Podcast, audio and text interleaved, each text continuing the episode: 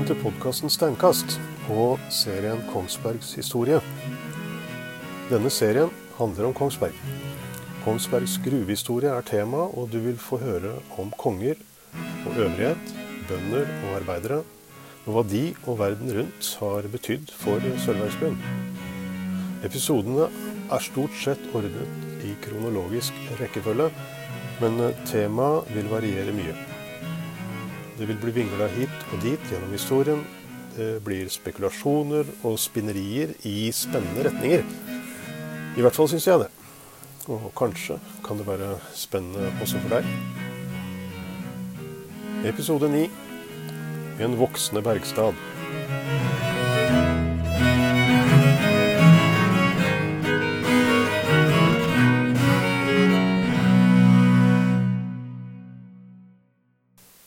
Her hvor villsom ørk har været, og seg gromme dyr er næret, står det hogget inn i kronen i hovet.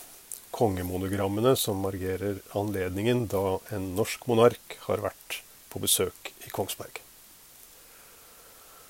Disse to linjene i dette lille verset er likevel i beste fall en overdrivelse. Villsom ørk var den offisielle forklaringen og begrunnelsen for at kongemakten skulle kunne etablere gruvedrift i området, uten å kompensere finnerne i noen særlig grad. Og oksen som stanger fram sølvforekomstene, det er en avledning og en benådning av finnerne. Avledning fordi ingen da kunne stå fram og si at det var de som falt sølvet, og benådning fordi de to herrene Verp og Grosvold, som unektelig hadde hentet sølv, smeltet det om og ulovlig prøvd å selge det, slapp straff for denne forbrytelsen. Dessuten, det gikk ganske raskt å få i gang både gruvedrift og bygge opp en by her. Det å etablere et helt nytt industriområde er både komplisert og tidkrevende, også i våre dager. Det er mye som må på plass, men i Sandsvær-området så var det på 1600-tallet allerede en del av det som var nødvendig, på plass. Bygda i seg sjøl var også godt egna for etablering av ny industri. Eh, altså i dette tilfellet gruveindustri. Fra før så fantes det her allerede gruver i drift. Og de hadde vært i drift i rundt regna 100 år allerede. I det siste var drifta ikke noe særlig omfattende, men den var der. Og dessuten, langs fossene i Lågen, eh, det som nå heter Nybrudfoss og Fabriksfoss, så fantes det i alle fall tre sagbruk som var i drift.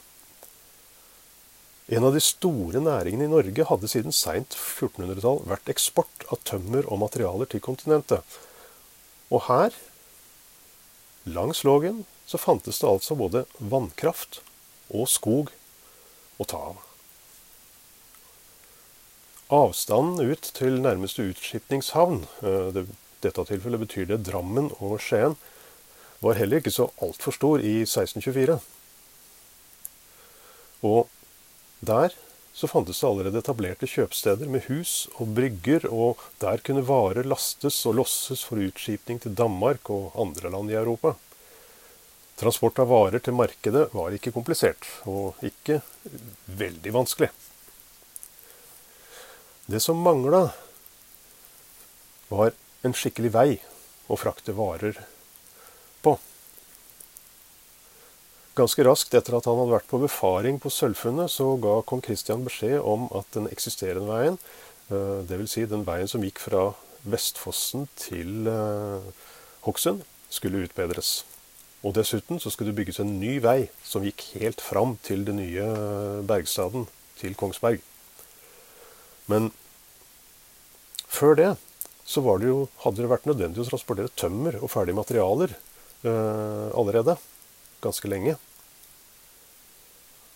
Og trestammer og planker eh, de må fraktes på slede. Mens den første veien fra Kongsberg til Vestfossen, det skulle bare være en god ridevei. Fra Vestfossen til fergestedet ved Hokksund så eh, skulle det være kjørevei for vogner. Men det må jo komme til Vestfossen først. Tømmer og ferdige materialer hadde alt vært produsert langs Lågen lenge, da.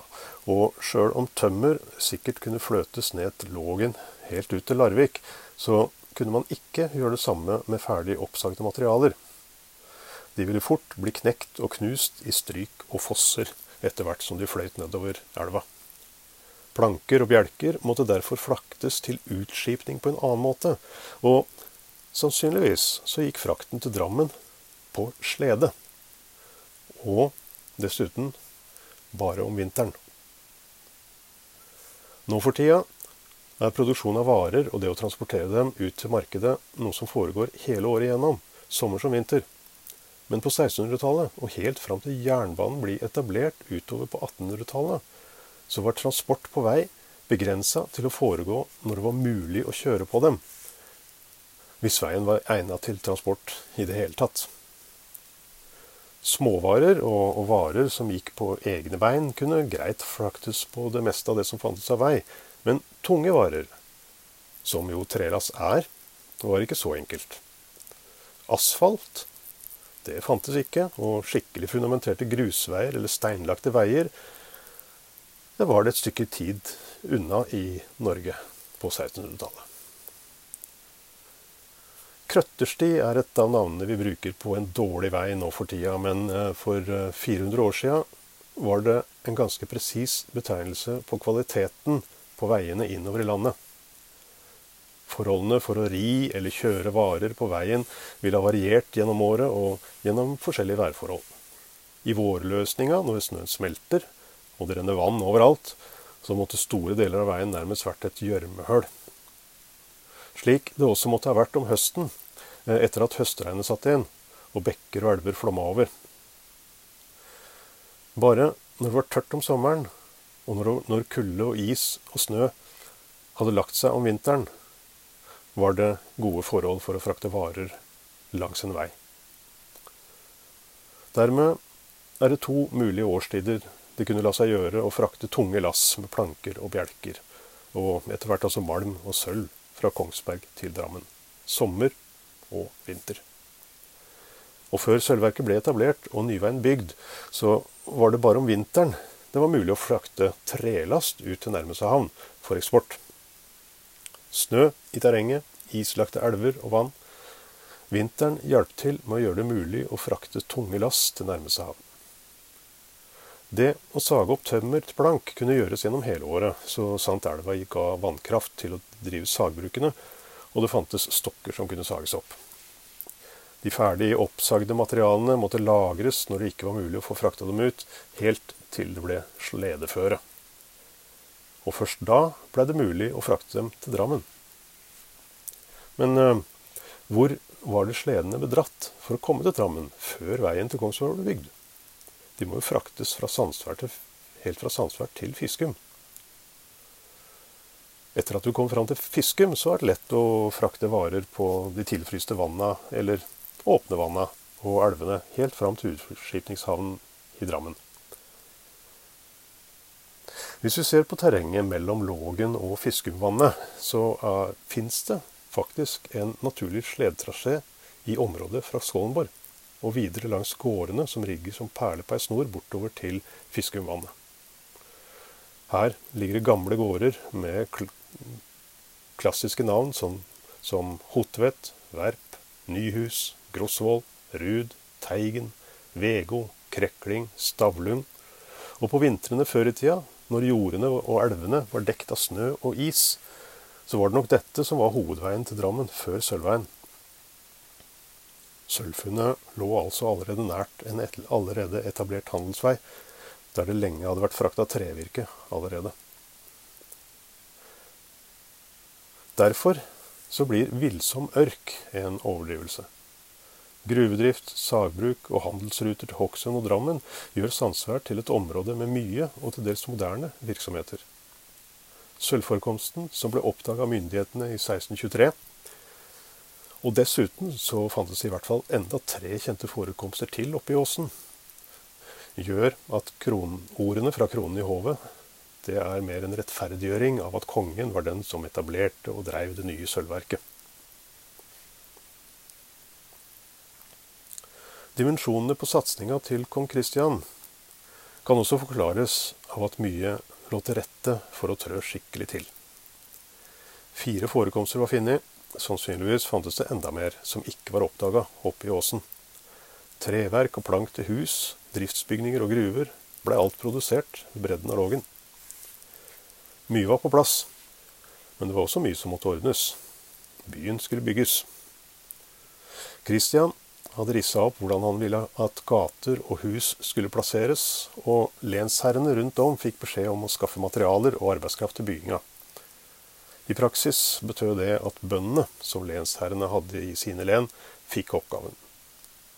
De ble pålagt den praktiske jobben, og i åra etter etableringa var det de som frakta de store mengdene av tømmer, murstein, hollandske fliser, takstein og alt det andre som trengtes for å bygge opp den nye byen. Og bygd ble det. Det ble bygd hus til de som skulle jobbe i gruvene. Og dette her, det var faktisk noen av de aller første arbeiderboligene i landet. Alle sammen ble betegna som gesellenes våninger. Dette var små, ettroms laftehus med peis og skorstein i et hjørne, og vinduer av glass. Det var små, enkle stuer, men eh, de ble ikke bygd slik de fleste andre stuer ble bygd i Norge på denne tida. Ei typisk enkel norsk stue, eh, ei bondestue, besto av et lafta rom uten vinduer, et åpent ildsted i midten og et jordehull midt på taket der røyken slapp ut. Ei såkalt røykstue. Det fantes også stuer med peis i et hjørne bygd av stein, men det vanlige for folk på den tida, vanlige folk altså, også på 1600-tallet, det var røykstuer med jordhull. Grunnen til både skorstein og vinduer, det kan nok ha vært at kongen la seg opp i hvordan husene til arbeiderne skulle bygges. Kong Kristian var kjent for å være opptatt av detaljer, så han hadde satt opp en grundig beskrivelse for hvordan husa skulle se ut. Glassvinduer er luksus på den tida her, og kongen kan kanskje ha tenkt at dette er boliger som folk skal ha lyst til å bo i. Noe som er bedre enn det de er vant til fra før. På den måten tenkte han kanskje at det ville bli enklere å få tak i folk til å jobbe på verket. For folk, det måtte han ha.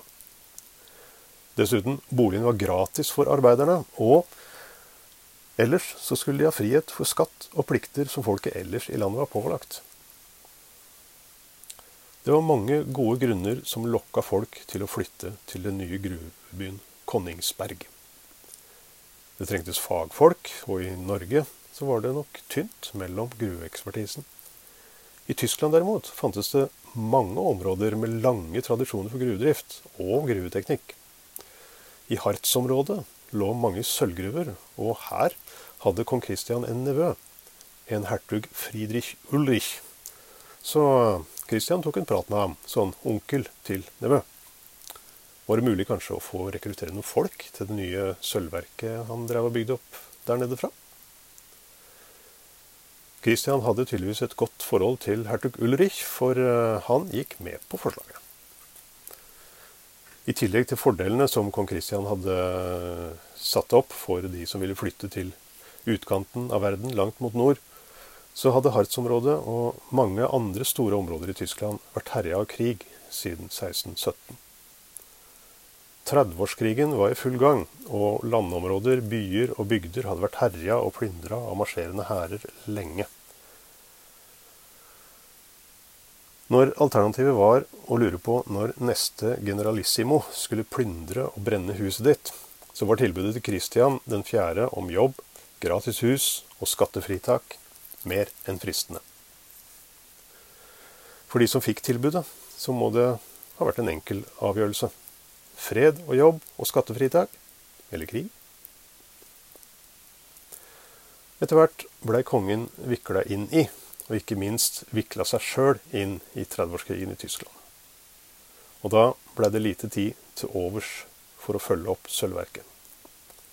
Fire år etter grunnlegginga blei det etablert et partisipantskap i 1628. Et partisipantskap var en tidlig variant av aksjeselskap, der eierskapet til en virksomhet blir delt mellom flere eiere. og det ble oppretta etter modell av Det dansk-ostindiske kompani. Dette kompaniet ble grunnlagt i 1616, og en mann ved navn Ove Gedde var en av de sentrale initiativtakerne. Samme mann, sammen med Jens Juel, stattholder i Norge, det er den høyeste embetsmannen etter kongen, var de som hadde flest parter i det nye partisipantskapet. De hadde åtte parter hver. Den som hadde nest flest, var kongen sjøl, med fire. Altså 16 parter. Det er halvparten av totalt 32. Så de to herrene, Juel og Gedde, de kontrollerte mer eller mindre hele verket. Kongen var som sagt opptatt annensteds hen, så for å være sikker på at ingen lurte ham for den andelen av sølv og overskudd han hadde krav på, så hadde Kristian ansatt den bergkyndige Samuel Weiss. Mannen hadde vært krigskommissær for kongen, og Kristian hadde alltid stor tillit til de som hadde tjent ham i krigen. Han stolte ofte mer på dem enn på adel og øvrighet ellers i Danmark og Norge.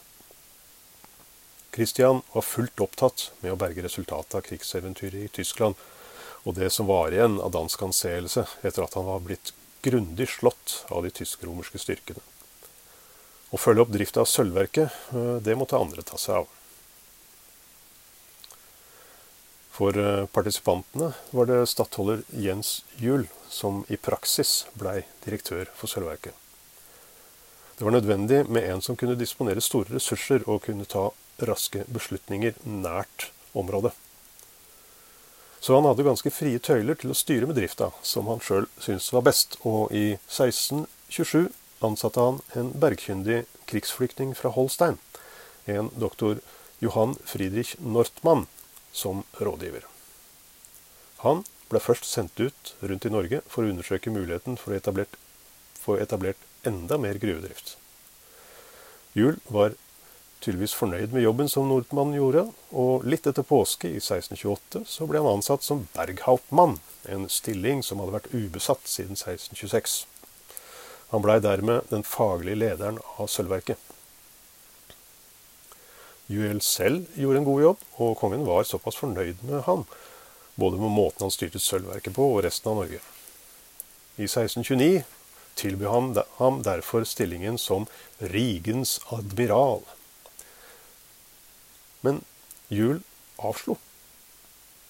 Til kongens store frustrasjon. Juel skyldte på at han var blitt gammel og skrøpelig. I 1629 så var han 49 år gammel. Kong Christian ble irritert. Han var sjøl 52 år gammel og frisk som en fole, så han godtok ikke Juels unnskyldning. Han skrev om han skjønt er noe tung og stakkåndet, så kan han dog være admiral og ikke klatre i takkelet. Eh, det betyr riggen på et skip. Eller andre steder. Og så hadde kongen allerede innsatt en Kristoffer Urne som ny stattholder i stedet for Jens Juel, og Urne hadde avgitt embetssed og tatt imot stillingen. Så Kristian hadde lagt en plan, og Juel ødela den ved å takke nei. Så i stedet for å bli admiral, så ble Juel tiltalt Aalborg slott i forlening, og han trakk seg tilbake dit. I 1631 ba han om å få bytte til det mindre området Bøvling, og der døde han 26.3.1634, 54 år gammel. På Konningsbjerg var det stor aktivitet og nybygging. Byen var i siste del av 1620-tallet preget av tyske innvandrere og andre nybyggere som for det meste bodde i små trehus. Mot slutten av tiåra kan det kanskje ha vært så mange som 1000 innbyggere med smått og stort. Funksjonærer og arbeidere, koner, unger, prest, klokker og alt det andre som trengtes for et fungerende bysamfunn. Det var bygd ei kjerke ganske nært der Kongsberg kirke står nå. Og Kristian hadde fått bygd et representativt hus der han kunne oppholde seg når han var i byen. Kongeboligen var satt opp rett ved siden av kjerka, mot sør. Det var et digert og staselig toetasjes hus bygd for at kongen skulle bo der når han var på besøk. Tre gater strakte seg sørover, og langsmed dem var det satt opp staselige hus for øvrigheta og funksjonærer nærmest kirka, Og lenger unna små ettroms enetasjes stuer til arbeiderne langsetter langgatene. Og byen var blitt bygd opp helt fra grunnen av. Ei bru var det bygd over Lågen, der gamlebrua er i dag. Ei ferge gikk over elva overfor Nybrufossen, og veien fra Bragernes var satt i stand, slik at det gikk an å kjøre vogn helt til Vestfossen og ri med hest resten av veien. I 1630 var det drift i mange gruver ved sølvverket. De fire funngruvene ble fortsatt drivd, og etter hvert som gruveekspertisen ankom, blei området rundt åsen undersøkt grundig etter flere forekomster. Og flere forekomster, det fant han. De bergkyndige skjønte fort hvordan de skulle finne nye sølvforekomster. Metallet blei funnet typisk der én type fjell med en bleikbrun farge ble kryssa av hvite bånd, kalkspatt. De brune bånda ble kalt for falbånd, et ord som kom fra tysk, og som betyr bleik eller gusten. Disse bånda lå omtrent i retning nord-sør, og kalkspattbånda de kryssa disse fra øst til vest.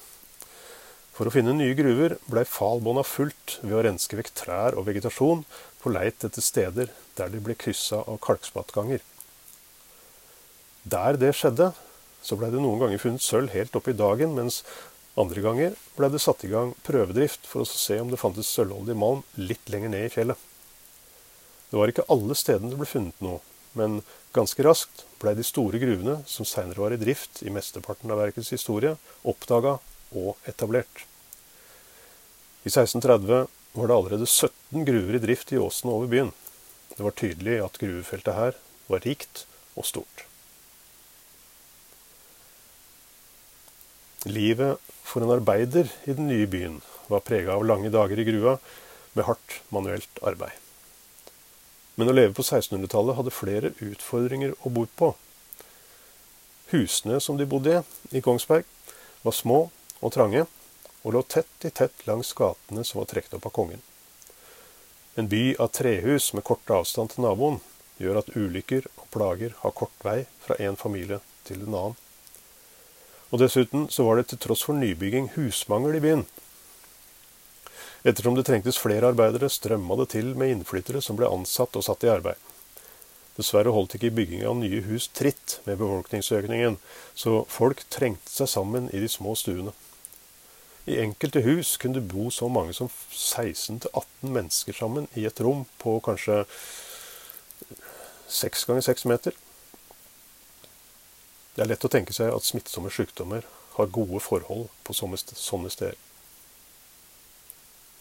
Svartedauden, som kom til Bjørgvin og Norge i 1349, la store deler av landet øde, og den kjenner alle til. Det som kanskje ikke er like godt kjent, er at dette bare var første gangen pesten kom til landet, og at det seinere fortsatte å komme pestepidemier til landet. For pesten skulle fortsette å herje i Europa i åra etter 1349. Pesten blei nemlig aldri helt borte. Den kom tilbake igjen og igjen, nesten jevnlig med 10-20 års mellomrom de neste 300 åra. Pestepidemiene tar ikke slutt før på slutten av 1600-tallet og begynnelsen av 1700 i Europa. Og i 1629 så rulla det inn en ny pestbølge over Norge. Fra et krigsherja Europa så kom pesten til Kristiania, Bergen og Trondheim det året. Sommeren 1630 når pesten Kongsberg, og epidemien varer utover mot vinteren 1631 før den gir seg. Hvor mange som strøyk med, veit vi ikke. Men sykefravær og lønningslister forteller at flere og flere folk ble syke fra sommeren 1630 og utover høsten. Toppen blir nådd rundt oktober-november det året. Seinvinteren 1631 øker sykefraværet igjen, og når en topp i mai. Men så går det tilbake igjen, og i august så er nivået normalt.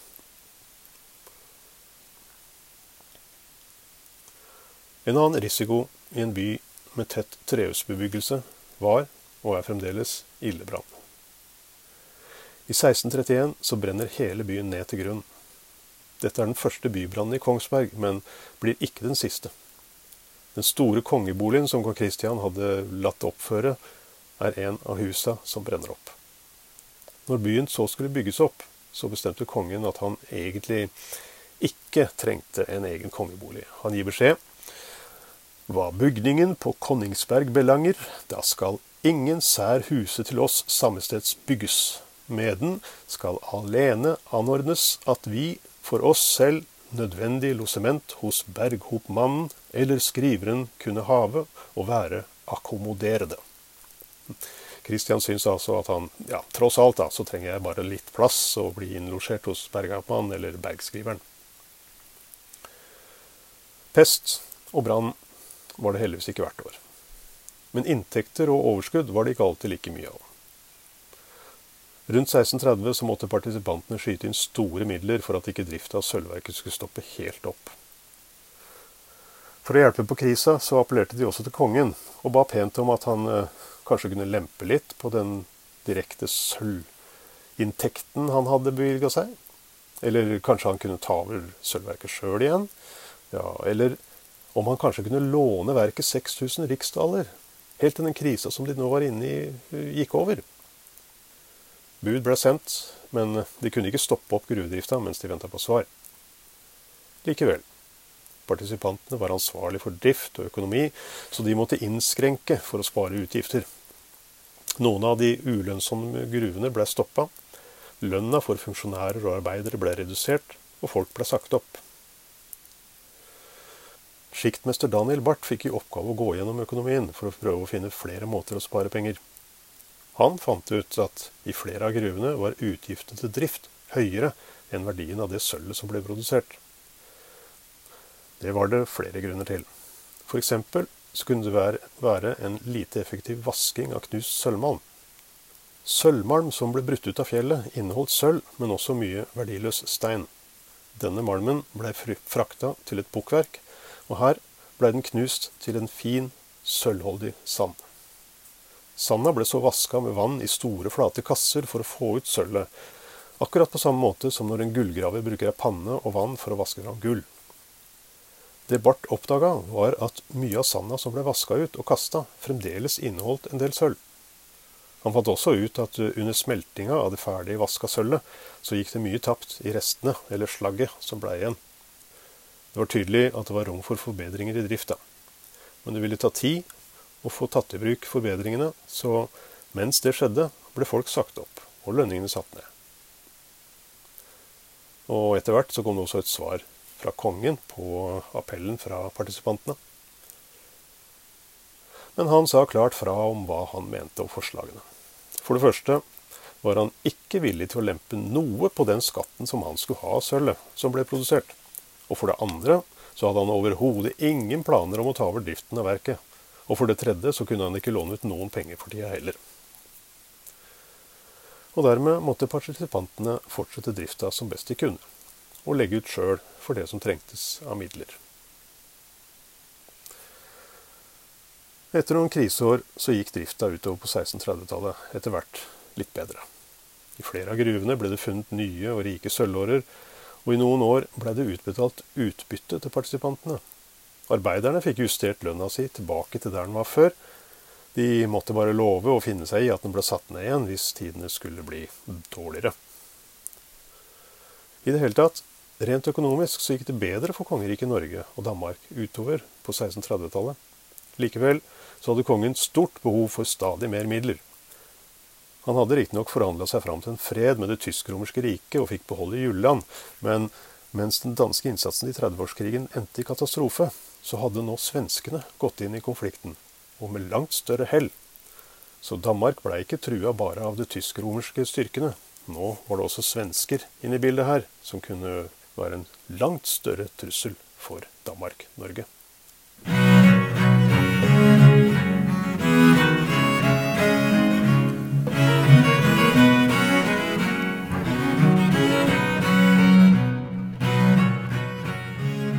Du har nå hørt episode ni uh, av podkasten Steinkast, uh, som handler om uh, Kongsberg historie. Neste episode av Steinkast vil være tredje og siste del av historien om Kristian 4., og handler om hans siste tiår etter det store nederlaget i 30-årskrigen. Hvis dette er første episode du har hørt, så har jeg laget åtte episoder til før den her, som du også kan høre på. Temaet på serien er gruvehistorie generelt og Kongsberg-historie spesielt. Og i tillegg til noen episoder som er dedikert til renessansekongen Kristian 4., grunnleggeren av Kongsberg. Takk for at du hørte på denne episoden av Steinkast.